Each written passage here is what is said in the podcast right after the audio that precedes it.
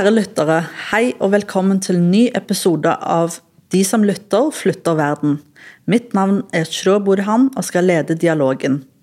Dagens tema er tro- og livssynsdialog i Norge. Vi har latt oss inspirere av fredsprismottakere som har brukt dialog i sitt arbeid for fred. Flere av fredsprismottakerne har også vært viktige nøkkelaktører i ulike religioner, som f.eks. erkebiskop Desmond Tutu fra Sør-Afrika og den 14. Dalai Lama fra Tibet. De begge bruker religion som utgangspunkt for sitt ståsted om at fred kun oppnås med ikke-voldelige metoder, og tilgivelse og forsoning må være viktige perspektiver alle må ha med seg i møte med andre mennesker. I studio i dag så har vi med oss fire gjester som presenterer ulike tro- og livssyn, men òg fra STL, så vi skal lære litt mer om hva, hva det står for forkortet, men det skal vi få lære litt mer om etterpå. Hvilken rolle har dialog i de ulike tro- og livssynene, og hvordan er dialogen mellom disse? Gjestene skal få lov til å presentere seg sjøl, så at dere blir enda bedre kjent med deres stemme og bakgrunn. Og da vil jeg gjerne starte med Ingrid. Hvem er du? Vær så god. Takk. Hei. Ingrid Rosendorf Joyce heter jeg. Jeg er generalsekretær i Samarbeidsrådet for tros- og livssynssamfunn, STL. Jeg er utdannet sosiolog, har lang fartstid fra religions- og livssynsdialog både nasjonalt og internasjonalt, og har jobbet mye med fred- og forsoningstematikk og andre globale tema. Veldig bra. Velkommen. Takk skal du ha. Og så går vi over til Dag Hareide. Velkommen. Hvem er du? Jeg er medlem i Den norske kirke.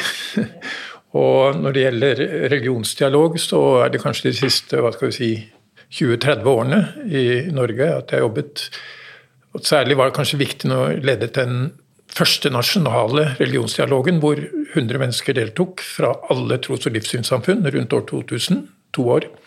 Og seinere har jeg jobbet mest med ungdom. Det har kanskje vært det morsomste. Fantastisk, og velkommen til oss. Og da, Rania Al-Nahi, hvem er du? Hei. Ja, jeg heter Rania Al-Nahi og er utdanna som muslimsk samtalepartner fra Det teologiske fakultet i Oslo. Og så har jeg en statsvitenskapelig utdanning fra før av, krig- og konfliktstudier. Jeg har jobbet med religionsdialog både i Norge og internasjonalt. Mye i Midtøsten, hvor jeg skrev, har gjort feltarbeid i mitt hjemmeland Irak. Så har jeg vært i Israel og Palestina og Libanon. Det er mye mer interreligiøs dialog. I Norge så jobbet jeg med et prosjekt med Kirkelig dialogsenter fra 2010 til 2014, som er et dialog for unge muslimer, jøder og kristne. Ja. Veldig fint. Velkommen til oss. Hvis dere skal alle tre få lov til å fortelle mer om dere har veldig mye å fortelle, så det gleder meg til å høre om erfaringene deres. Men til slutt så vil jeg òg gjerne at Didrik Søderlind kan få lov til å presentere seg sjøl. Hvem er du, Didrik? Ja, jeg er Didrik. Jeg er rådgiver i Human-Etisk Forbund, og sitter også i rådet til Samarbeidsrådet for tros- og livssynssamfunn. Jeg er gammel journalist. Og har skrevet mye om dialog, både artikler og en dialogbok sammen med en venn av meg som er prest i Den norske kirke, presten og ateisten. Uh, og så er jeg total livssynsnerd og bruker mye av fritiden min på å lære om hva folk tror på. Liker å utforske forskjellige praksiser fra andre livssyn og sånne ting. Så utrolig spennende. Dette er jo en veldig fin gruppe med mange kunnskapsrike og erfarne mennesker. Jeg gleder meg til å høre mer fra dere. Didrik, altså du vi, la oss starte med deg. Du definerer deg selv som en humanist. Hva er det for noe? Kan du fortelle litt om det? Ja, Humanismen er ganske enkelt et livssyn eh, som tar utgangspunkt i at vi mennesker på en måte er alene. Det finnes ingen gud eller noe liv etter døden eller noe sånt som vi kan forlite oss på. Så Derfor så må vi finne ut av ting eh, sjøl og sammen med andre mennesker. Ja, nettopp. Og du, du jobber da faktisk i forbundet, Human-Etisk Forbund. Hvilken rolle har forbundet eller humanismen hatt i samfunnet generelt sett? Altså, vi har jo vært et ganske lite forbund inntil de siste tiårene. Vi har hatt en eksplosiv medlemsutvikling i det siste. Men vi har jo vært aktivt engasjert i eh, tros- og livssynsdialogen i Norge så lenge den har vært i gang. Og Det er en ting som er litt spesielt med Human-Etisk Forbund i Norge. For våre søsterorganisasjoner internasjonalt er ikke nødvendigvis det. Men jeg ser det som et tegn på at vi har et bra klima i Norge, hvor alle forskjellige tros- og livssynsgrupper ser verdien av å snakke sammen. Ja, nettopp. Ja, du fortalte jo at du har jo et personlig engasjement egentlig i det som handler om, om livssyn og dialogen rundt det. Hva er det som motiverer deg til å ha dette sterke engasjementet?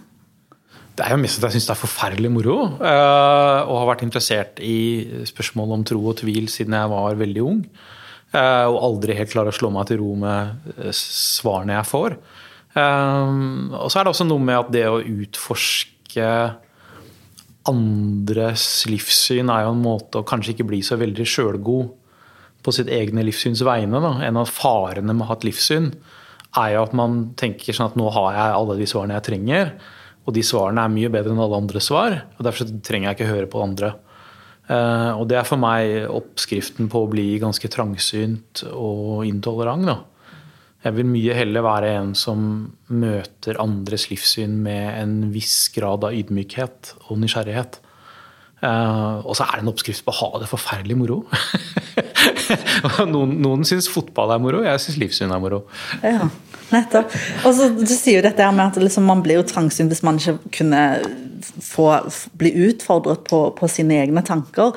Men er det rom for å stille sånne kritisk fra, fra humanistisk ståsted når du er i, i samtale med folk som har en sterk, eh, mer organisert religion? Hvordan eh, kan du stille de kritiske spørsmålene som du ønsker deg? Og du er jo journalist òg i tillegg, så det ligger sikkert litt i deg? Jeg har alltid stilt masse kritiske spørsmål til alle religiøse mennesker jeg har truffet, og fått gode og dårlige svar på spørsmålene mine. Eh, men jeg er på mange måter mer opptatt av kritikk av mitt eget livssyn. Eh, for det er det jeg jobber med. Jeg jobber med å videreutvikle humanismen som livssyn. Og da trenger det livssynet å kritiseres eh, og undersøkes, sånn at det kan vokse.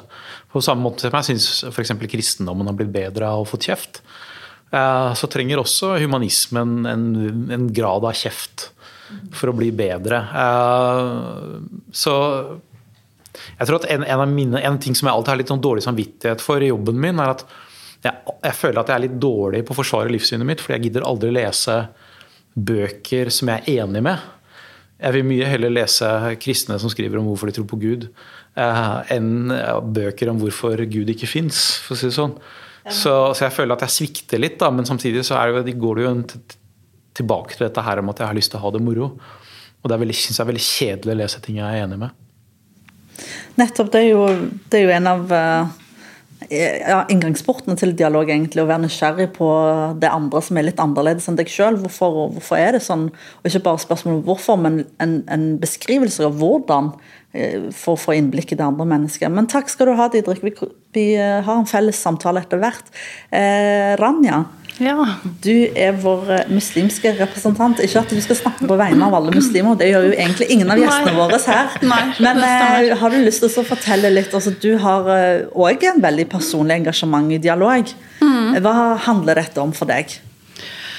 Uh, nei, det handler jo egentlig om å utvide tolkningsrommet, eller tolketradisjonen. Um, og så har jo islam er jo veldig åpen for uh, altså dialog, altså religionsdialog, eller tro- og livssynsdialog.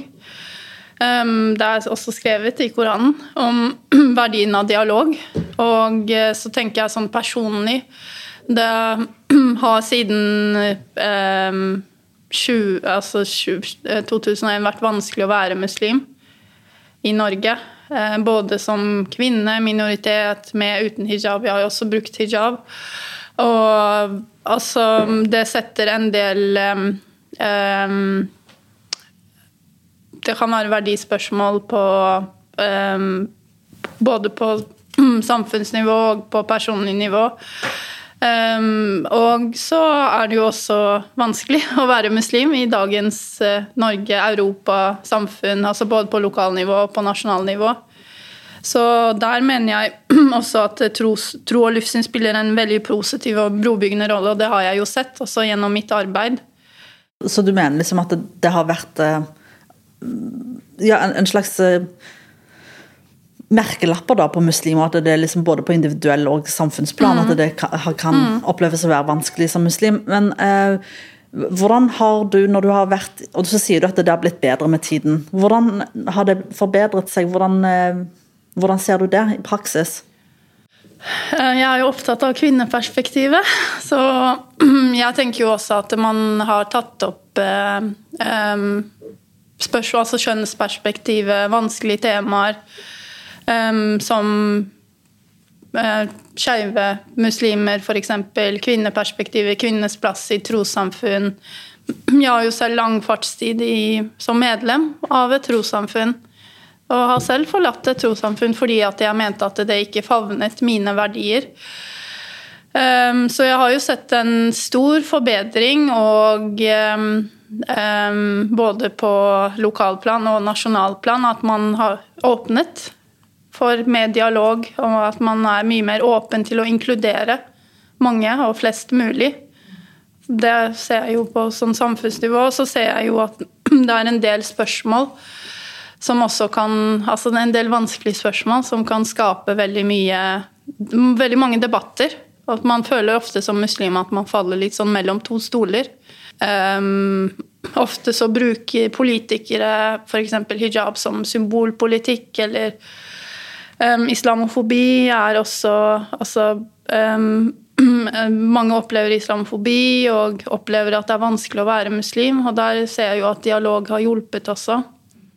Ja, Så du liksom både løfter frem det med at dialog fra samfunnet har hjulpet uh, og blitt uh, lettere for å være muslim, men òg uh, innad i menighetene. at dere får liksom større rolle for kvinner osv. Men du har forlatt en menighet som kom tilbake igjen. Ja. Men, men for jeg hørte for en stund tilbake igjen, nå, nå graver jeg allerede, mm. for, da så, leste jeg om hun Aden ja. Eh, og hun gikk jo ut i media, en lokal, ikke lokalpolitiker, jeg mener hun sitter i bystyret, da.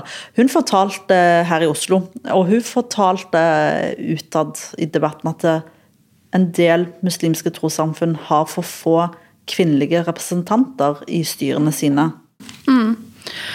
Ja, det stemmer det. At det er altså, lite representativt. Altså, mange kvinner føler på det, da, at de ikke er um, Eh, ansiktet utad er veldig mannsdominert i mange muslimske moskeer. Et perfekt eksempel på det er eh, etter terrorangrepet i 2019 i Bærum. Så hadde man en rundbordsamtale, og der satt det bare menn. Altså fra muslimske trossamfunn. Jeg skulle gjerne sett en kvinne eller to som hadde samtale med Politidirektoratet og statsministeren. Det er liksom et sånn perfekt bilde på at mange sier er patriarkalske tolkninger på at kvinner ikke har en plass eller lederposisjon eller skal ha en imamtittel i en moské. Så det er også noe vi, altså jeg tilhører jo Hikma-huset, vi ønsker å jobbe mer med. Å skape et trossamfunn som skal være åpen og inkluderende for f.eks. kvinnelige imamer, kvinnelig lederskap, um, fellesbønn og ta opp vanskelige temaer også. Mm. Veldig bra. Takk skal du ha. Vær så god. Dag. Ja. Eh, fortell litt. Altså, du har jo et kristen bakgrunn, men du har jobbet eh, veldig mye med å både organisere dialoger for andre, men òg praktisert mye dialog sjøl. Eh, hvilke erfaringer har du fra et kristent ståsted, men òg som organisator? Nei, det er, det er, gøy, som Didrik sier. Altså, det, det er eh, altså jeg, vokste, altså jeg, vokste, opp i en sammenheng hvor man liksom på et annet tidspunkt lurte om katolikker var kristne, liksom. Altså, altså, det har skjedd mer i dialogsammenheng, tror jeg, de siste 40 årene enn på de 400 årene før. Altså, det, har, det, har, skjedd mye, altså. Og, og det handler om at du, du begynner å snakke med dem du ikke vanligvis møter, ikke sant. Og det begynner gjerne med litt sånn snille folk, da, altså de som sitter rundt bordet her. Eh, men det viktige er jo å nå ut til de som egentlig ikke ønsker å ha en dialog, men som ønsker å kjøre videre på sitt mønster. Og det, det er jo det utfordrende. Eh, så Nei, altså for meg har det betydd både at jeg syns jeg har forstått eh, andre religioner og livssyn bedre, og at jeg har forstått mitt eget standpunkt bedre. Det, det, har nok endret seg litt, men det har også fordypet seg, tror jeg. Eh, min, min, min, mitt forhold til å være kristen. ja. Veldig fint. og Du eh, var jo rektor på Nansen-skolen, ja. altså Nansen-akademiet, den folkehøgskolen på Lillehammer i sin tid.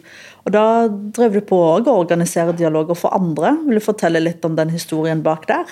Ja, altså Nansen-skolen har jo en lang tradisjon i dialog i krigssituasjoner, sånn som i, i Balkan og, og, og, sånn. Eh, men eh, vi gjorde en undersøkelse der. Vi fikk et sånt Gandhi-stipend, eh, Inge Eidsvåg og jeg, og gjorde en undersøkelse av eh, religionsdialoger fram til 2010.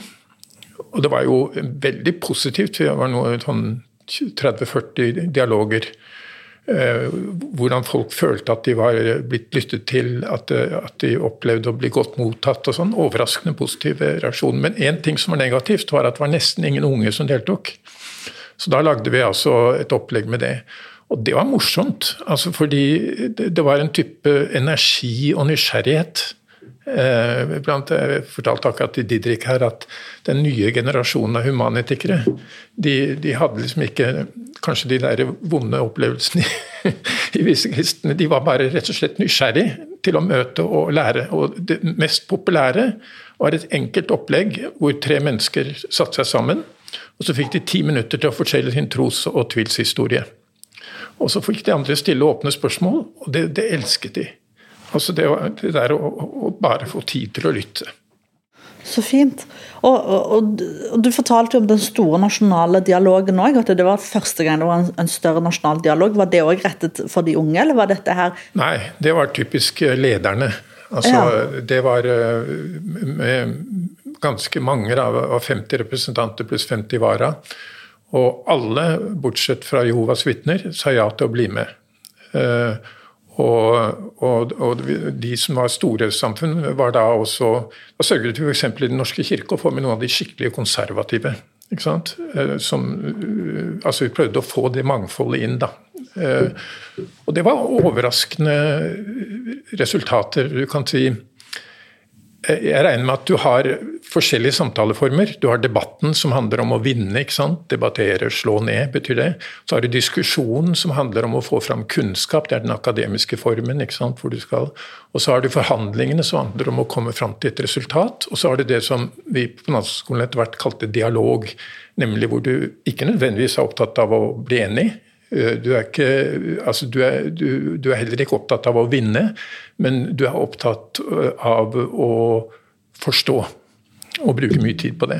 Og det var ganske interessant at den gruppa som hadde det vanskeligste temaet der, nemlig homofili og seksualitet og sånn, var den som var mest begeistret for samtalene, fordi de brukte så mye tid på å prøve å forstå hverandre. De ble ikke enige.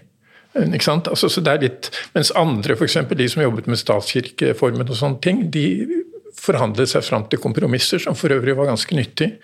Vi fikk bl.a. formuleringer der som senere ble vedtatt i Stortinget for en ny formålsparagraf i, skolen. og sånne ting. Så det var en nyttig form, og vi bruker forskjellige former. da.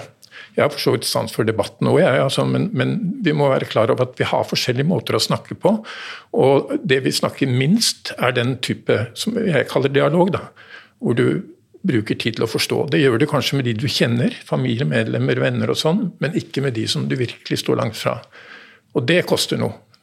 Man sier at dialog er liksom noe sånn, sånn sissy, sånn lett, men det er noe av det vanskeligste, egentlig.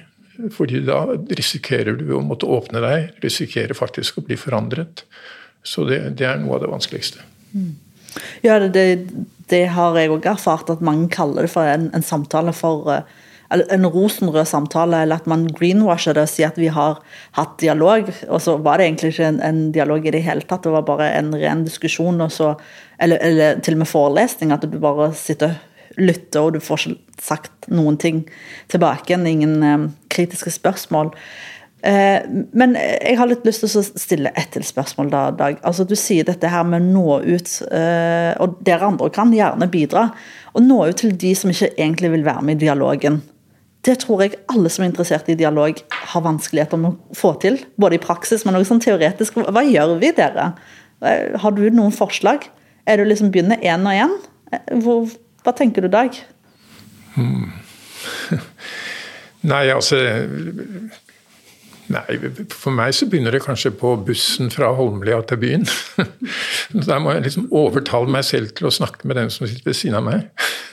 Jeg er ikke spesielt god på sånne smalltalks, så, så, altså og det er jo da hvem som helst. ikke sant? Og da av og til så, så kan det liksom plutselig bli noe. Og dette er jo da folk Ja, ikke sant. Altså de, de derre situasjonene som det er en del av, da. Eh, I, i hverdagslivet. Den viktigste dialogene skjer jo ikke i disse organiserte Det, det er viktig det at lederne kommer sammen. Og det har vært veldig viktig tror jeg, i norsk historie at vi har fått til det. Vi har unngått mye konflikter pga. det. Eh, men det, viktigste er jo det som skjer i skolegården. ikke sant? Det som skjer på arbeidsplassen. Ja, puben var kanskje Det er ikke alle som var på puben, men, men eh, ikke sant? Altså, det, er, det er sånne steder eh, hvor, hvor, man liksom når over og, og, overskrider. Så det er en hverdagslig utfordring tror jeg, for enhver av oss. ja. Mm. Ja, Rania, vær så god. Sånn eh, av erfaring, det vi gjorde i dialog med unge voksne muslimer, jøder og kristne, var at vi unngikk eh, samtaler som Altså dialogtemaer som kunne skape konflikt. Eh, ved at vi f.eks. begynte med å besøke hverandres gudshus og bli kjent med hverandres religion og ritualer, og at man unngikk f.eks. å snakke om en del konflikter. Mm. For man må ikke eh, det, Man kommer ikke unna med at det, er en, det har vært og er en del konflikter mellom religioner. Um, og da unngikk man å snakke om de konfliktene. I, da, I, begynnelsen? Ja. Men etter hvert, kanskje? Uh, ja, det er ti år siden, og jeg husker ikke. Men uh, jeg tror ikke det var så mange sånne samtaler, faktisk. Jeg tror det ble fine dialogmøter i fire år, faktisk. Mm. Fire-fem år. Mm. De, de, har jo fremdeles prosjekter på Holmlia og i ja.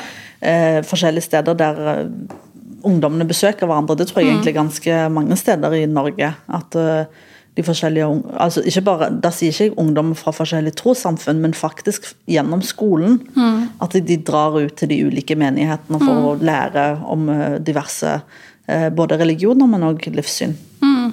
Forskning viser jo at man har um, stor avstand til religion. Og så snakker man ikke så mye om religion i samfunnet. Så det er liksom en privatsak i Norge, tro og livssyn. Og eh, forskning sier jo altså at man ikke Man kjenner ikke så mange religiøse personer. Man tør ikke å snakke med f.eks. naboen, den muslimske naboen. Man har et sånn avstand til det. Så da er det jo fint at man kan besøke moskeer og synagoger og kirker og sånt. Det har jo jeg sett verdien av. Mm. Og mine barn. Så, og andre uh, unge. Mm. Så religion nok må på en måte være en del av tema både i samfunnsdebatt og i dialog? Ja, det er jo en stor del av samfunnet, så det er jo naturlig da at det gjenspeiles også mm. på skoler. Greit, takk. Vi har jo snakket om ulike måter å, å drive tro- og livssynssamfunn i Norge. Det er litt ifra de personlige engasjementene dere har hatt, eh, dere tre andre. Men eh, Ingrid, du har en litt annen rolle her. Du er leder, eller daglig leder for STL. Jeg sier det bare for, forkorta, men fortell litt. Hva er STL egentlig? Ja, STL er jo en uh, trebokstavforkortelse da, for Samarbeidsrådet for tros- og livssynssamfunn. Som er en paraplyorganisasjon som samler bredden av tros- og livssynssamfunn i Norge til dialog og arbeid med tros- og livssynspolitikk og en del sosialetiske tema. Dette er jo den altså Dette er den formelle dialogen som foregår uh, i Norge uh, mellom ledere i livs, de ulike tros- og livssynssamfunnene. Vi, vi, vi, rommer altså alle de store og mindre store tros- og livssynssamfunnene, og egentlig hele bredden. da, så Over 80% av Norges befolkning er medlem i en av de medlemssamfunnene som er, som er medlem hos oss. da. Um, det som, som, skiller oss litt fra Det finnes eh, interreligiøse råd rundt omkring både i Europa og resten av verden, men det som skiller oss fra, fra de, er jo bl.a. det at vi også har med ikke-troende, altså ikke-religiøse ikke livssyn, som f.eks. Human-Etisk Forbund er med, med, hos oss og har vært med helt fra starten av. Eh, og jeg tror at det har vært en av, en av suksesskriteriene for STL. Da. Det er at vi både har med Eh, majoriteten og minoriteten. Ikke sant? Norske kirke, som tidligere statskirke og fremdeles definitivt majoritetssamfunnet er med. Det at vi har med livssynshumanistene. Eh, og det at vi har med eh, hva skal vi si, dissidenter innenfor, eller altså ulike retninger innenfor for verdensreligionene. da. F.eks. så sitter det hos oss sunni- og ahmadiyya-muslimer rundt samme bord. Um, jeg tror ikke det er veldig mange steder det, det skjer i verden, for å si det sånn. Uh, og vi har også på kristen side med de som ikke på en måte regnes som kristne av de andre. da, F.eks. Kristensamfunnet uh, og Jesu Kristi kirke siste dagers hellige, eller mormonene. De regnes jo ikke med i den kristne familie av de andre kristne samfunnet. Men i STL så er man med, for det er litt sånn at eh, jo mer uenige vi er, eh, jo bedre er det. Skulle nesten til å si. I hvert fall, eh, jo mer uenige vi er, jo viktigere er det at vi snakker sammen. Så vi pleier å si at vi bygger et samhold i mangfold, og at vi dyrker uenighetsfellesskapet og tenker at det at vi er uenige om kanskje det aller viktigste, det som næreste, da. Altså om, om det fins en gud og om, Gud, om det finnes flere guder eller ikke Gud, eller hva vi skal kalle hen. Eh, alle, dette, alle, disse tingene er vi ganske uenige om, og så kan vi være ganske enige om hvordan vi ønsker å bygge samfunnet rundt det. Ja, for da, da er jo på en måte tro- og livssynsdialog på overordna samfunnsnivå ganske organisert her i Norge. Eh, og man får økonomisk støtte til det osv. Og, og enighet om at dette er en god måte å gjøre det på. Men jeg lurer litt på sånn når vi snakker om dialog, så dialog er jo en god måte å beholde eh, vennskap i fredstid. Men hva gjør, eh, hvilken rolle spiller STL eh, under litt større eh, samfunnsendringer eller ting som rammer samfunnet på en veldig negativ måte? F.eks. det som skjedde i sommer da, med skytingen utenfor eh, London pub, der det homofile ja, eller skeive verden i Norge ble ramma. Mm tenker at eh, det som skjer i fredstid er veldig viktig for det som kan skje når det ikke er fredstid. Ikke sant? Ehm, I, i STL, så STL ble etablert i 1996. Eh, og Det betyr at de medlemssamfunnene og de religiøse lederne, og tros- og livssynslederne og de andre som, som, er med, har jo over tid opparbeidet seg tillit til hverandre. Eh, det, det, gjør at det er helt naturlig at når noen blir rammet, så står vi sammen.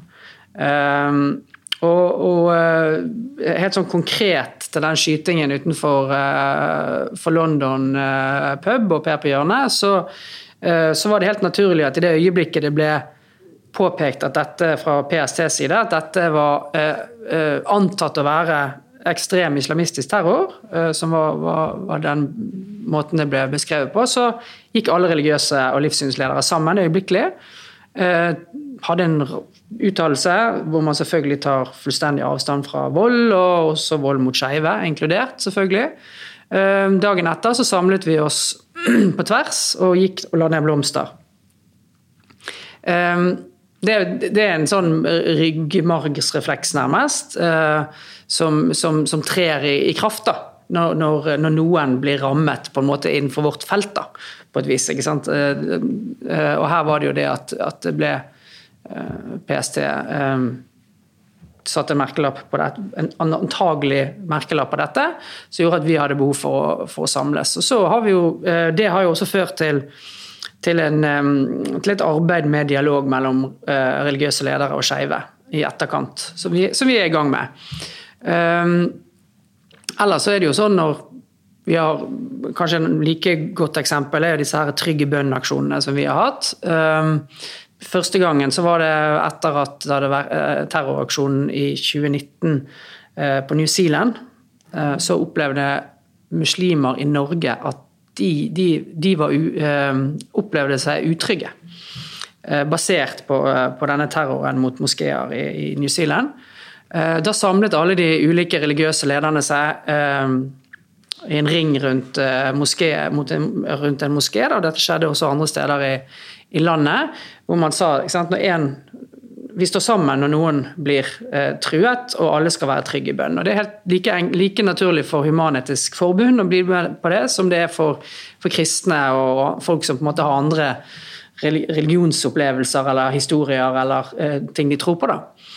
Og Dette gjentok vi jo eh, tre ganger det året. Det ene Første gangen var jo da uh, i forbindelse med New Zealand, og så var det da uh, kirker ble angrepet på Sri Lanka påsken 2019. Og så var det jo den forferdelige terroraksjonen i Bærum.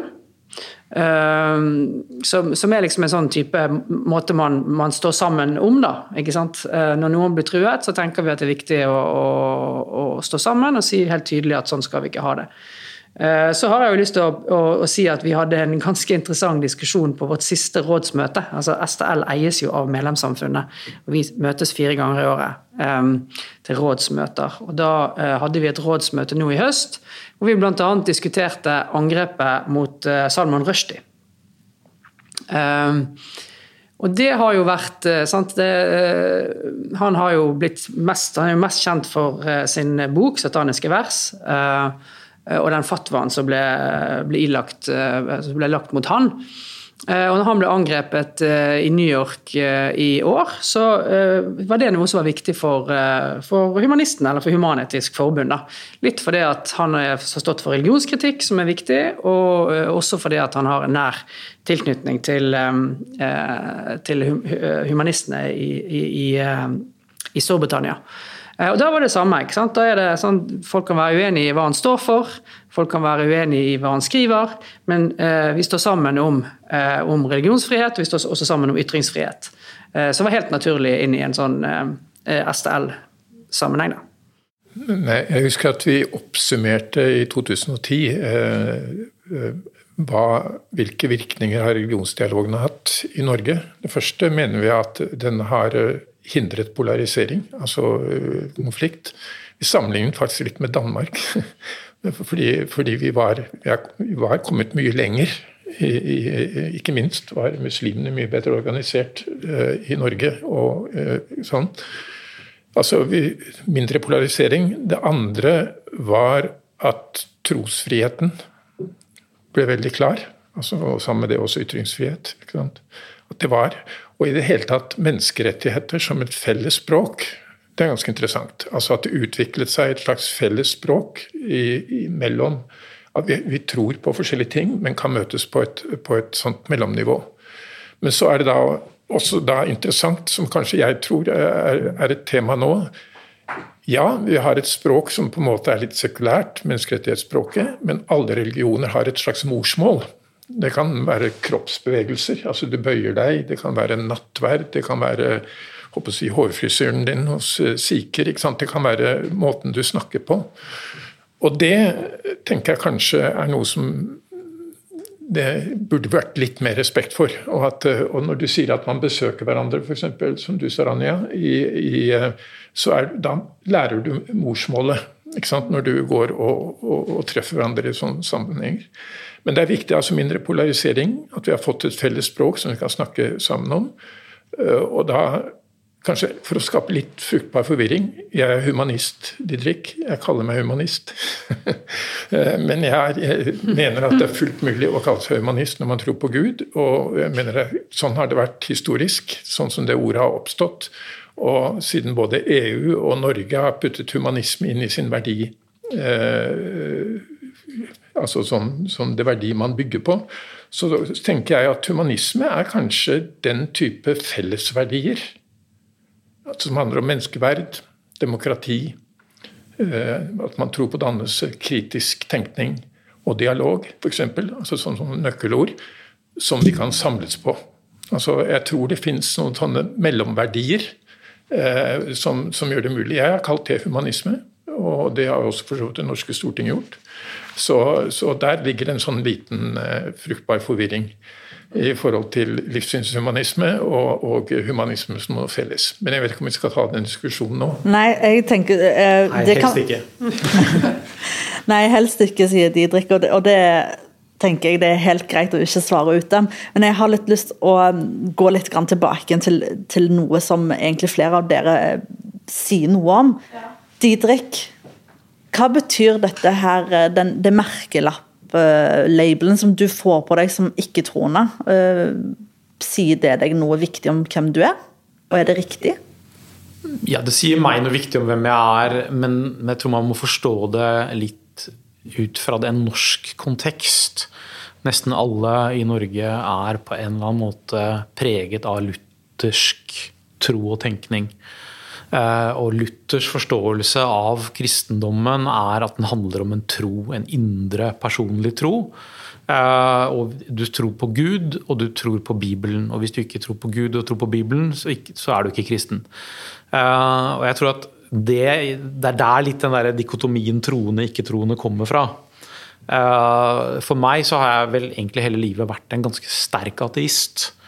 Eh, og det er litt kjernen for meg i mitt livssynsengasjement. Det er ikke nødvendigvis sånn for alle livssynshumanister at det er så viktig for dem, men, men for meg så har det vært et veldig, veldig viktig fundament for hvordan jeg ser verden, og hvordan jeg opplever meg selv og andre. Um, så er det klart det er masse ting jeg tror på, altså type menneskelig verdighet og uh, menneskelig ansvar for andre skapninger på jorda osv. osv. Men, men ikke-troende som en sånn som en sånn merkelapp. Jeg syns det funker ganske greit. Og så er jeg litt opptatt av å ikke definere livssynshumanismen sånn veldig negativt. og sånn hele tiden at Vi er i opposisjon til religion og sånn, for det er vi ikke. Uh, nødvendigvis. Men, men, uh, men ja. Ja. ja du, er, du, er jo, sitter jo i samarbeidsrådet, eller i rådet til uh, STL, faktisk. Hvordan opplever du det fra, fra den type ståsted, og ikke som daglig leder? Ja, altså jeg oppfatter det som, som en ekstremt fruktbart prosjekt, som jo er en av grunnene til at jeg hadde lyst til å bidra til det. fordi eh, noe av det som jeg syns er veldig fint med å leve i Norge, er jo det at, at vi kan leve sammen.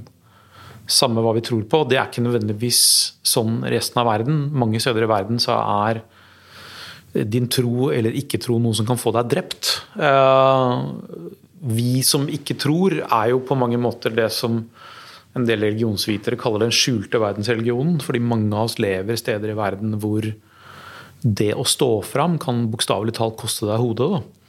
Eh, så, så, så, jeg er veldig opptatt av å ta vare på det veldig gode samfunnsklimaet vi har her.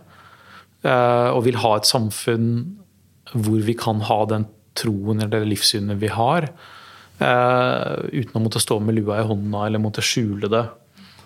Uh, og så er det klart at samfunnet begynner jo mer og mer å svinge i retning av at jeg på en eller annen måte begynner å representere en slags norm. Da.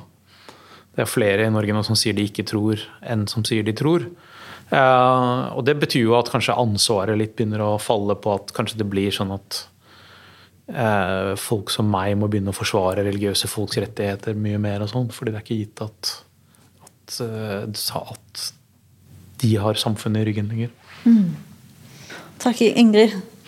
Ja, jeg tenker um, det er viktig for oss i hvert fall. Så har det nettopp vært eh, det som Dag er inne på, som, som Didrik nå også uh, kommer inn på. At, at, det arbeidet som vi gjør, gjør vi um, ikke basert i en en teologisk tradisjon eller en teologi, men i, i, basert på menneskerettighetene. Og det, jo, det, kan vi jo takke kanskje Humanitets Forbund uh, for på starten. At, de, at, det var en, en, naturlig basis for arbeidet. Um, som jeg tror har gjort at, uh, at vi liksom prinsipielt jobber bedre. Da. Altså, for da blir det litt sånn, eh, litt sånn uavhengig av hvem som, eh, hvem som, vinner eh, hvem som vinner hjerter og hoder i samfunnet, så er på en måte alles, alles rettigheter ivaretatt. Og, og, ingen er fri før alle er frie, og min rettighet er avhengig av at altså, min menneskerett er på en måte betinget av også at du får, oppfylt dine menneskerettigheter.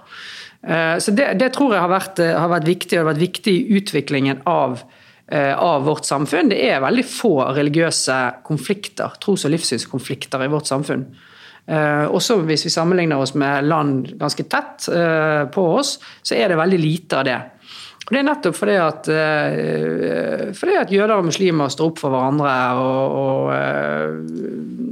humanister og buddhister Eh, er med og alle sammen skriver eh, høringssvar når man skal diskutere retten til å, eh, til å bære turban. Altså det er liksom, her står man på, på hverandres rettigheter. Da.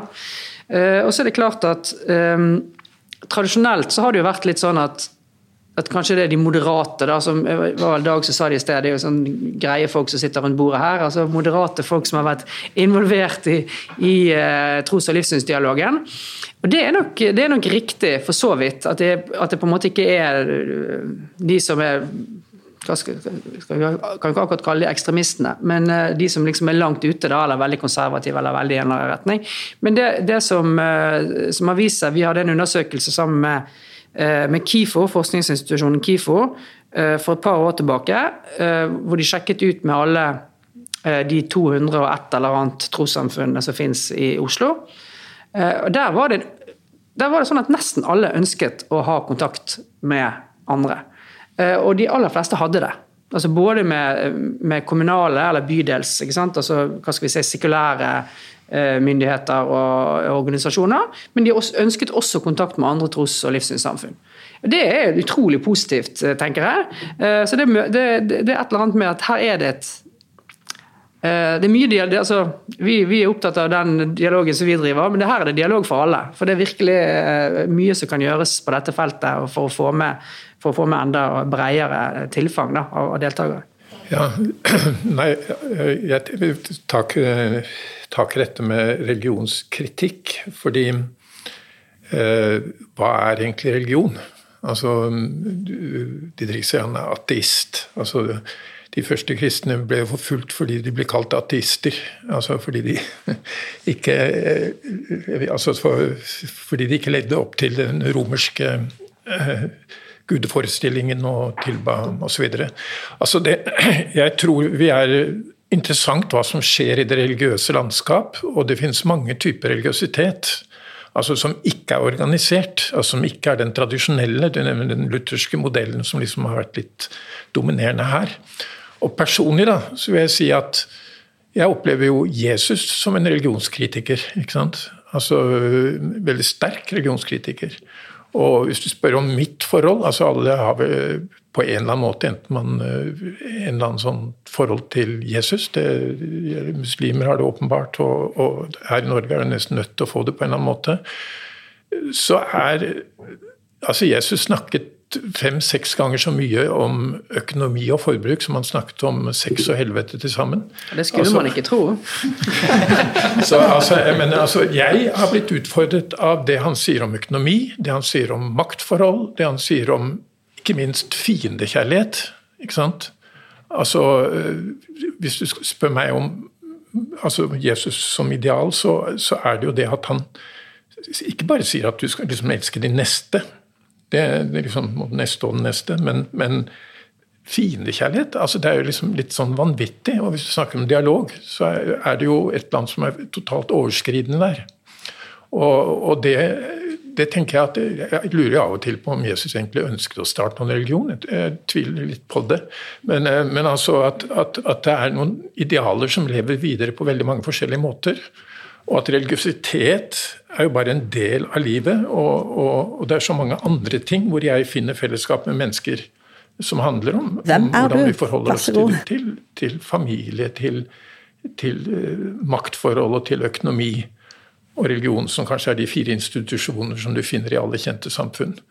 Og, og da å liksom plassere Altså, religiøsitet, hva er det? Altså, det er liksom så har du nye typer religiøsitet som er helt privatisert. ikke sant? Altså Som folk har sin egen type religion, altså New Age eller hva det er. Altså, så det er en Jeg tror det skjer ting eh, som, som, vi skal være oppmerksom på, og at eh, å forholde oss bare til den organiserte religion kan bli litt sånn gamle dager.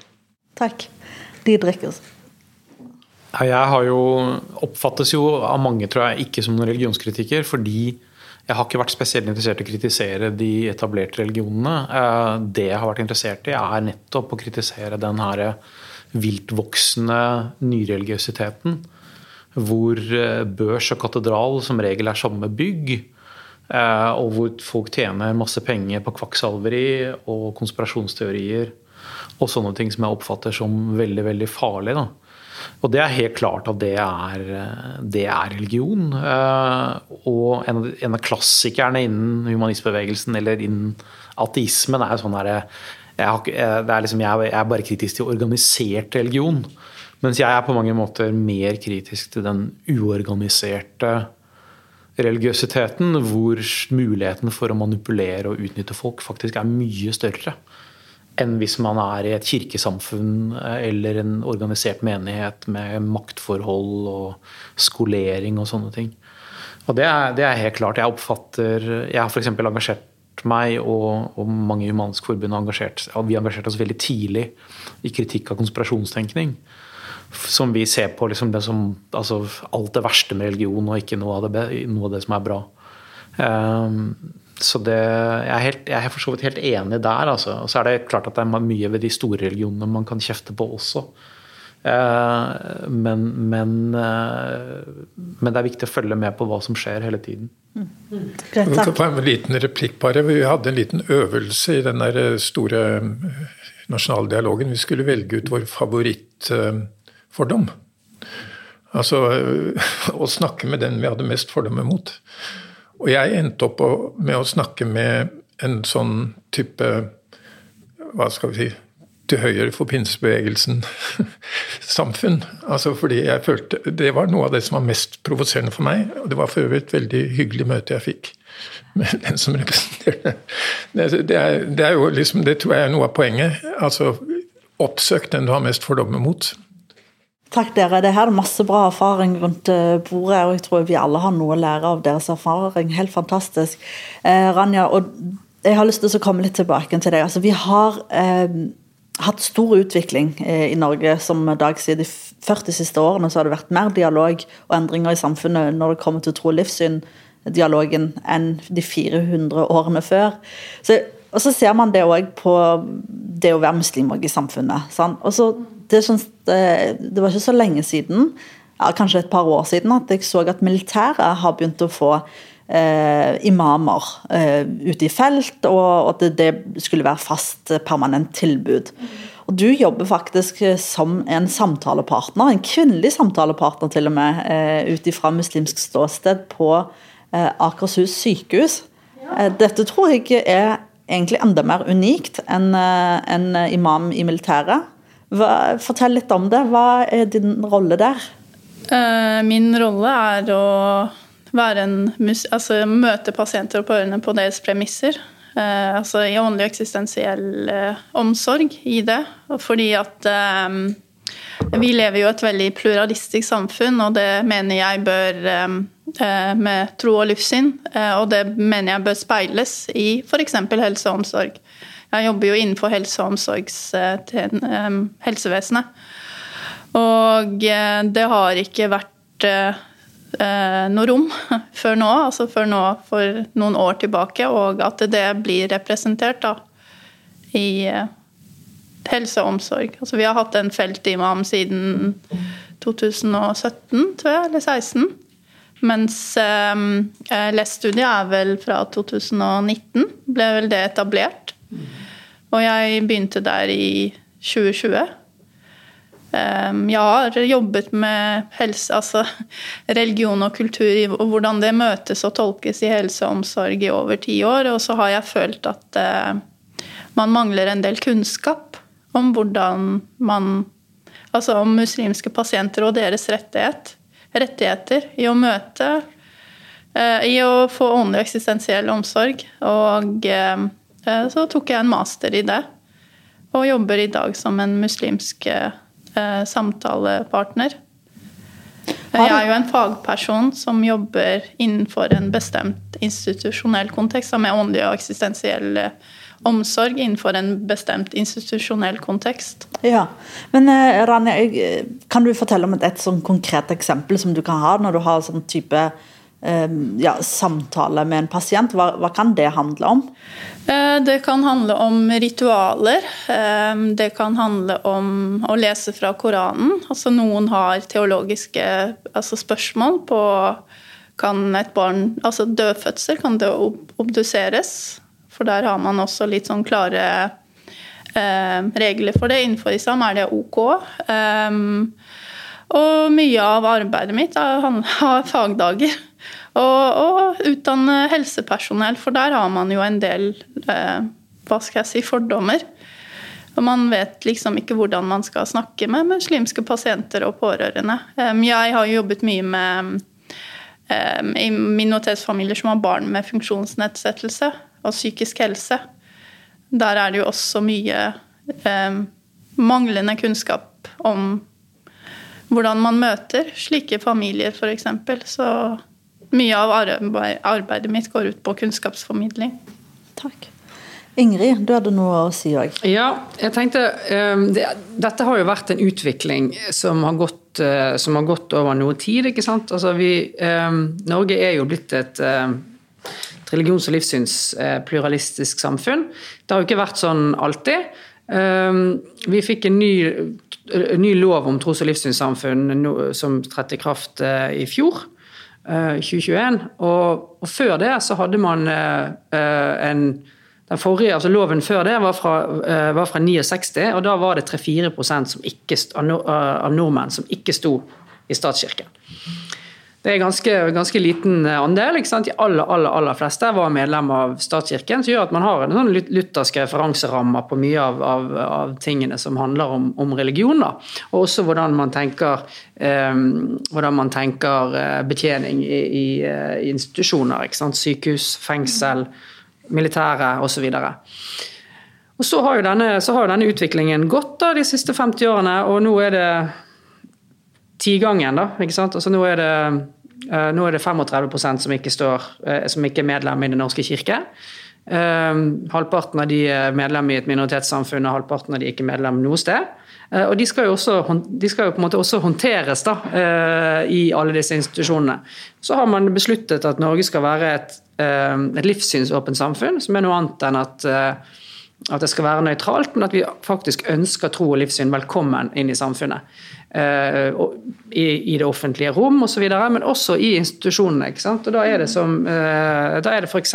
inn i sykehuset. Hvis du er på Eh, hvis du er på sykehuset og tilhører en, en, annen, eh, en, annen, trosretning enn Den norske kirke, så er det ikke gitt at, vil, at, det er sykehuspresten som er din foretrukne eller naturlige samtalepartner. Da kan det være en muslimsk samtalepartner, det kan være en buddhistisk samtalepartner eller en humanistisk samtalepartner. Det kan være mye forskjellig.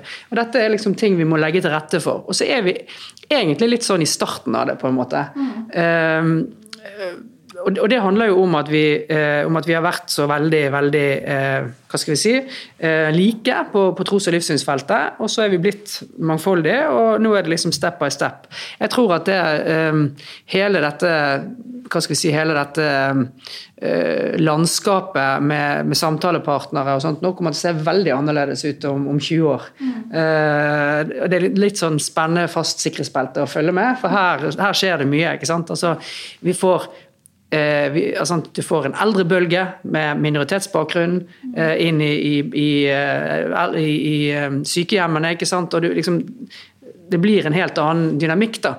Så det tror jeg blir veldig spennende å følge med på. Mm.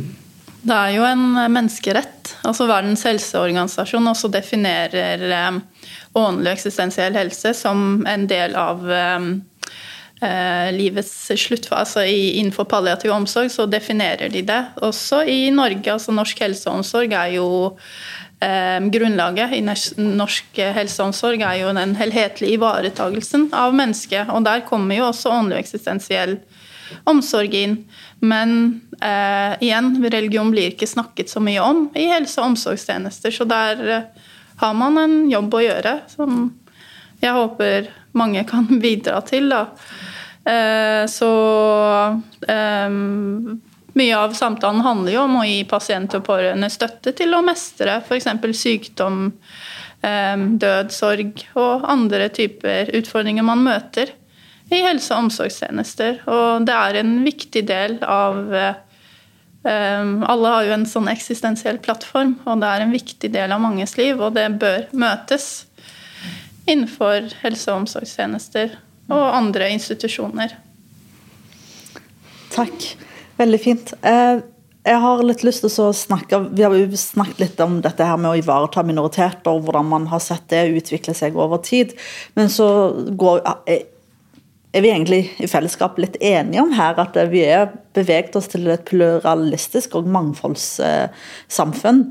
Og da, Ingrid, vil jeg be deg om å ta av hatten din som eh, daglig leder i STL, men gå over til eh, din personlige bakgrunn. Og det, det, er jo som en katolsk eh, ja, katolsk troende.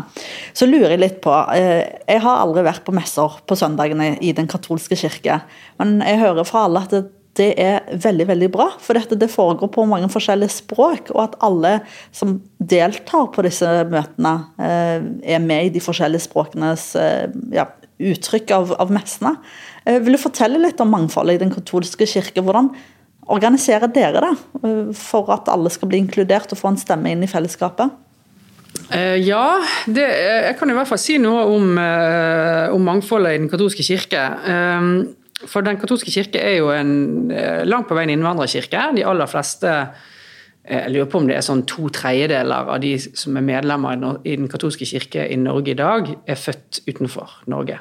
Så det er liksom en enorm eh, stor andel med innvandrere. Og da får du ikke regna med de som er andre generasjon. ikke sant? Så det er klart at Jeg tror det er 160 ulike nasjonaliteter som, eh, som finnes i Den katolske kirke i Norge. Eh, alt fra selvfølgelig europeiske, franske, svenske, danske og særlig polske. Men også utenfor Latin-Amerika, Asia og Afrika. Så det er en, en, en skikkelig global, global, kirke, da. Og det, noen har vært her lenge, og noen har vært her kort. Og det handler jo bare om å kunne språket, egentlig. Og Derfor har man ulike messer på, altså messer på ulike språk. De kommer liksom i rekkefølge. da. Ehm, på en søndag for eksempel, så har, du, så har du høymessen på norsk, og så har du messen klokken ett kanskje på vietnamesisk, og så har du polsk, og så har du litauisk, og så har du fransk, og så har du spansk, og så har du filippinsk, og så har du liksom Ja, sånn går det nå. Så det er relativt eh, smikkfullt, og litt sånn pinsedag pinsedag hver eneste søndag med mange forskjellige eh, nasjonalspråk, eh, hvor alle da skal kunne kunne feire messe og, og, og liksom være med i det. da. Og Det er jo også en, en, liten jobb å gjøre for, sikkert for bispedømmet å få tak i prester fra ulike, uh, ulike bakgrunner som kan feire disse messene da, på disse språkene.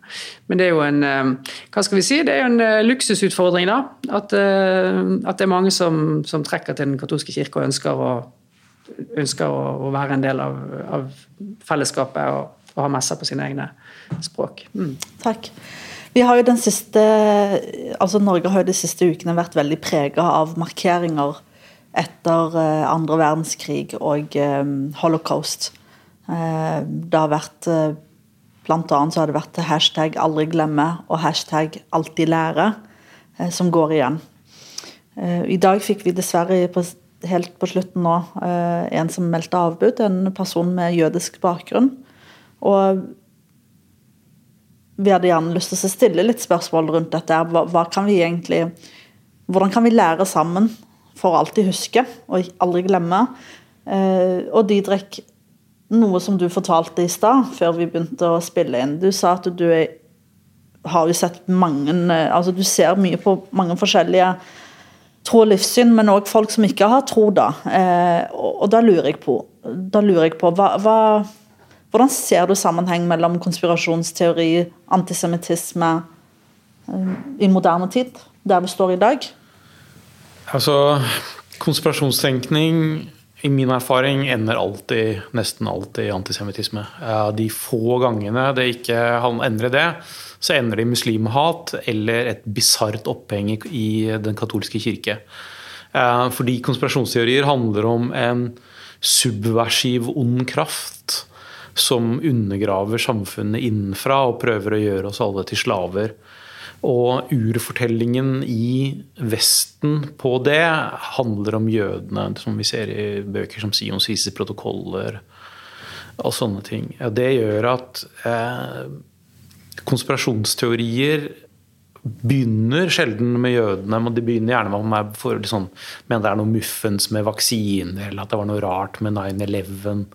Eller er det ikke litt, litt bisart at det plutselig er så mange innvandrere i Norge? Hvordan, hvorfor, skyldes, hvorfor har det blitt sånn? Eh, og så kan det gå noen måneder, og så begynner man å oppdage så går, går folk på nettet, og så begynner de å grave og nøste seg fram. Og så finner de nesten alltid jødene. Jeg har sett det skje i sanntid så mange ganger med så mange folk, eh, og forskningen underbygger også det. Så det er ekstremt skummelt. Eh, og noe av den det det norske samfunnet trenger beredskap mot, er eh, konspirasjonsteorier og antisemittisme. Vi er dessverre altfor dårlige på det. Og dette tankegodset er i ferd med å mainstreames på måter som jeg ikke har sett på mange år. Og det er veldig, veldig skummelt. Hva, hva, tenker du altså mainstreames? Hva, kan du forklare litt mer om det? Er det pga. digitaliseringen? Hva handler dette om? Det, det handler bl.a. om at eh, vi har medier som, helt, som alltid forsøker å skape kontrovers og debatt, og derfor setter på trykk helt vanvittige ting. Eh, bladet Eh, bladet Subjekt hadde en artikkel på trykk som argumenterte for at jøder faktisk var en stat i staten. Eh, som jo er selve definisjonen nærmest på hva moderne antisemittisme er for noe. Eh, NRK satte fem mennesker på å lage en langlesning om det norske konspirasjonsteorimiljøet. Lagde en enormt lang artikkel som overhodet ikke tematiserte antisemittisme som er det som binder selve miljøet sammen. Um, så, så, det er Norge mangler en beredskap på dette. Og nå ser vi de siste dagene er vi jo, altså Jeg følger med på nedsmeltningen til Yay, som tidligere bedre kjent som Kanye West, men han har skiftet navn til Yay. Som jo har begynt å eh, spre helt vilt antisemittiske ting i offentligheten. Og nok eh, kommer til å få stort gjennomslag også blant norske ungdommer. Eh, når dette, når dette da plukkes opp av dem. Um, så det er, det er, veldig skumle ting vi ser nå. Uh, og Norge har et altfor dårlig beredskap på dette her. Mm. Altså, vi har jo også en historie som, som liksom langsomt blir skikkelig avslørt. Altså, Norge var jo et antisemittisk samfunn på 30-tallet. Og nå, jeg vet ikke om dere har sett den der eh, Last jøder. Det er ganske sterkt å se hvordan vi passivt, altså politi ikke minst, eh, drosjesjåfører, var med på å ekspedere jøder. Altså det, at det kunne skje, at reaksjonen kom så seint fra motstandsbevegelsen, fra uh, forskjellig, det, det, er en historie. Og, og, hva vi gjorde med deres eiendommer og alt sånt, som liksom langsomt har blitt avdekket. Og jødene er jo mye er det, 800 mennesker eller sånt nå, i Norge. Altså, Hvordan kan man greie altså, så det er jo et, Vi må jo også ta et oppgjør med vår egen historie her. Uh, og, og, se uh, hva, vi, hva, vi, faktisk Jeg tror som du sier, det er Og dette er jo noe dypere, hvis du først skal gå inn i det, og det er jo syndebukkmentaliteten. Uh, altså, og i, i, vestlig samfunn så har jødene vært syndebukker, og det er ikke minst da den kristne tradisjonen som har har sørget for det. Og, men det, I andre sammenheng kan det være andre. Men hele den der ønsket om å få en syndebukk, som sannsynligvis også ligger under veldig mye av konspirasjonsteorien, da, det er et dypt religiøst tema, egentlig. Altså, hvor vi skyver skylda vekk fra oss sjøl. Ja. Mm. Så mellom altså Israel og Palestina også. Det er også um, um, um, normalisert. Altså Altså det, det, har ført til mer antisemittisme. Um, det var en, det vet vel sikkert du også, Didrik, en tysk eh, professor. Gunther Finkeli, tror jeg han heter. Jeg vet ikke om du har hørt han. Han intervjuet over 100 ehm, europeiske muslimer i sin forskning på antisemittistiske holdninger. Og han peker på at jødehat er um, altså likhetstrekk med, som høyreekstremister har jødehat. Så eh, Vi hadde også han imamen fra Drammen også i fjor, som mm, også kom med antisemittistiske uttalelser. Jeg tror det var på Facebook. Mm, det var på Facebook. Eh, og mange eh, peker til eh, eh, historien om Haibar, altså i islamsk tolketradisjon. At eh, profeten selv gikk til krig mot jødene, at derfor må vi hate jødene. Men mye av det handlet om avtalebrudd, det handlet ikke om antisemittisme. Så det er mange som har tolket den historien feil. Og eh, eh, altså Jøde er nevnt 16 eller 40 ganger i Koranen. Så det er bokets folk. Så det er feil på alle mulige måter. Så her trenger man også veldig mye sånn kunnskapsløft og kunnskapsformidling om altså retorikk i samfunnsdebatten. Jeg har sjøl ei venninne som, eh, altså på Facebook, en, en Facebook-venn, som skrev eh, en statusoppdatering for noen dager siden. Og beskrev at når vi spiser mat, eh, altså rundt middagsbordet vårt, så er det flere personer som mangler pga. Store deler av vår slekt egentlig bare forsvant under andre verdenskrig. Det syns jeg var egentlig veldig sterkt å høre og lese. Det ja, gjorde veldig sterkt inntrykk på meg. For som du sier, Dag, det er jo ikke en stor menighet, det er jo ganske få mennesker. Men at det, det kan være retta så mye hat mot, mot, mot, en sånn liten type menighet i Norge, det er ganske sterkt. Eh, Ingrid, du får siste ord akkurat på dette, så går vi over til et annet tema, da. Mm. Jeg tror det er viktig å, å, å være klar over at antisemittisme ikke fordrer at du kjenner en jødisk eh, person, eller at det fins eh, liksom, jødedom i det samfunnet. Det oppstår på en måte litt sånn uavhengig av at det fins jøder der. Det er jo et sykdomstegn, og det er jo et sykdomstegn for samfunnet, tenker jeg, først og fremst. Og det som vanligvis trekkes frem, er jo at man må jobbe med både holdninger og kunnskap. Eh, men de trenger ikke nødvendigvis eh, Det er ikke nødvendigvis det samme. Eh, så det, altså, du kan ha masse kunnskap om, om, om jødedom og om, om, historien, men det betyr ikke nødvendigvis at du har gode holdninger. Så dette må jobbes med parallelt. Og det å jobbe med holdninger er jo et altså er jo et hva skal vi si, ledelse, eh, altså en politisk eh, ledelsesansvar. ikke sant? Vi må legge til rette for gode holdninger i samfunnet. At man kan jobbe med både, altså både for kunnskapen på disse tingene, men også liksom jobbe målrettet for å, for å skape gode holdninger i samfunnet. Det er utrolig viktig. Mm. Så man trenger liksom politiske beslutninger. Det handler om penger og økonomiske støtte til organisasjoner som jobber med disse holdningene. Men altså, dialog, siden dette er på en måte litt sånn overordna tema òg, kan dialog være en arbeidsmetode? En metode å prate sammen på, der man aldri glemmer å alltid lære sammen i et kollektiv? Det er jo det. Altså det, jeg tenker at Dialog er både et mål og et middel. da. Eh, altså det er både et verktøy eh, Man bruker dialog for å, eh, for å kunne, kunne bygge fellesskap. ikke sant? For selv om man ikke altså I en dialog så er man ikke ute etter verken å overtale den andre eller som, som, Dag nevnte, disse ulike samtaleformene som debatt og diskusjon og forhandling osv. Så, videre, så er det jo det at man, at man brer ut. da. Man, man blir kjent med, med hverandres Eh, standpunkt, hverandres holdninger. Og så finner man plutselig at noe er man enig om. Eh, det betyr ikke nødvendigvis at man trenger å være enig om alt. Eh, langt ifra. Og noen ganger vil det holde at man på et vis klarer å finne ut hvor skoen trykker. Samtidig, dette er jo da et det er på en måte det metodiske i det.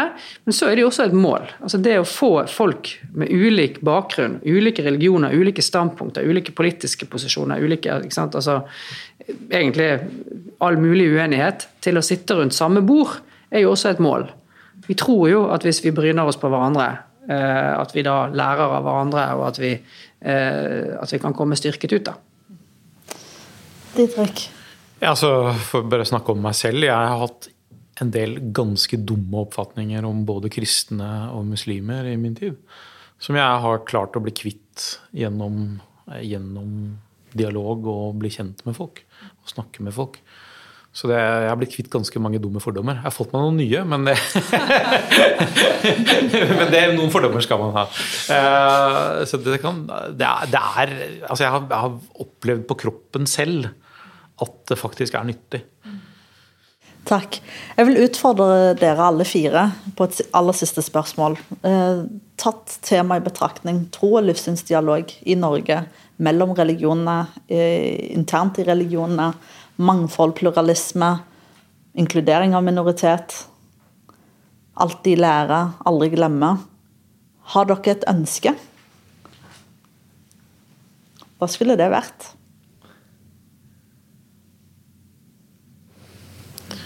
Kanskje at folk eh, forstår at livssyns- og religionsfrihet er det samme som retten til å kritisere livssyn og religion.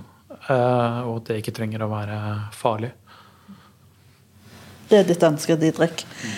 Hva med deg, Ingrid? Nei, jeg tenker nok at uh, jeg ville ønske at, uh, at folk uh, At vi kunne alle sammen se på mangfoldet som en, som en liksom spennende utfordring til å bli kjent med, med andre, men også med, med sjøl. For det, det, det, vi ser i, i religions- og livssynsdialogen, er jo at det er jo ikke sånn at eh, fordi om du snakker med buddhistene, så ønsker du å bli buddhist neste uke, liksom. Altså, eh, Didrik er jo et godt eksempel på det. Han har holdt på med dette her en stund, og han er fremdeles medlem i Human-Etisk Forbund, ikke sant. Eh, så man blir ofte glad i sin egen tradisjon, da. Og så skjønner man man skjønner liksom både mer av den andre, men man skjønner også mer av sin egen. Så det er på en måte en berikelse i seg selv. Da. Mm. Takk. Ranja? Ja, må vel være å snakke om eh, kjønnsperspektiv, f.eks. Altså, professor i interreligiøse studier Anne Hege Grung snakker jo ofte om de skjæringspunktene. Når skal man ta feministkampen eller beholde dialogen? At man bør snakke mer sammen om det, da. Mm. Løfte opp liksom vanskelige temaer. Ja, vanskelig Kunne snakke temaer. om det som er vanskelig. Ja. Det er jo ja. en av kjernene i dialog. Takk. Mm. Dag, håp om fremtiden. Ja, jeg, jeg, jeg tenker på liksom, det er, så, det er så mye rart vi gjør som ikke er dialog. altså Bli sittende og se på TV eller fare av sted til nye typer oppgaver. altså Det er en sånn type hastighet og sånn som gjør at det er så lite sånn rom for uh, og der jeg føler for eksempel, altså sånn, ja, Jesus og Sokrates for en saks skyld, som bare liksom gikk og møtte folk. Ikke sant? Altså det Jeg tenker på meg sjøl når jeg farer av gårde til et eller annet ting jeg skal gjøre og holde på med, at den derre helt avslappede Altså, jeg ønsker at ikke minst folk i makt kunne få en sånn helt avslappet greie, hvor de kunne f.eks. få lov til å oppsøke den personen de har den største fordom mot, eller et eller annet sånt. Eller sitte fast i heisen sammen med dem. Et eller annet sånt. Altså sånne rom eh, hvor, hvor, hvor, du har tid. Ja. Det, at det var mye mer sånn. Vi har masse tid. Vi roter altså Vi gjør masse ufornuftige ting. Altså sånn, hvor vi i stedet kunne møtt folk på en sånn meningsfull måte. Mer heist opp, med andre ord. Mer heist opp. Det blir på en måte konklusjonen her. Tusen takk dere. Jeg håper dere får en skikkelig fin dag. Og takk til dere lyttere som har lytta til dagens dialog. Takk.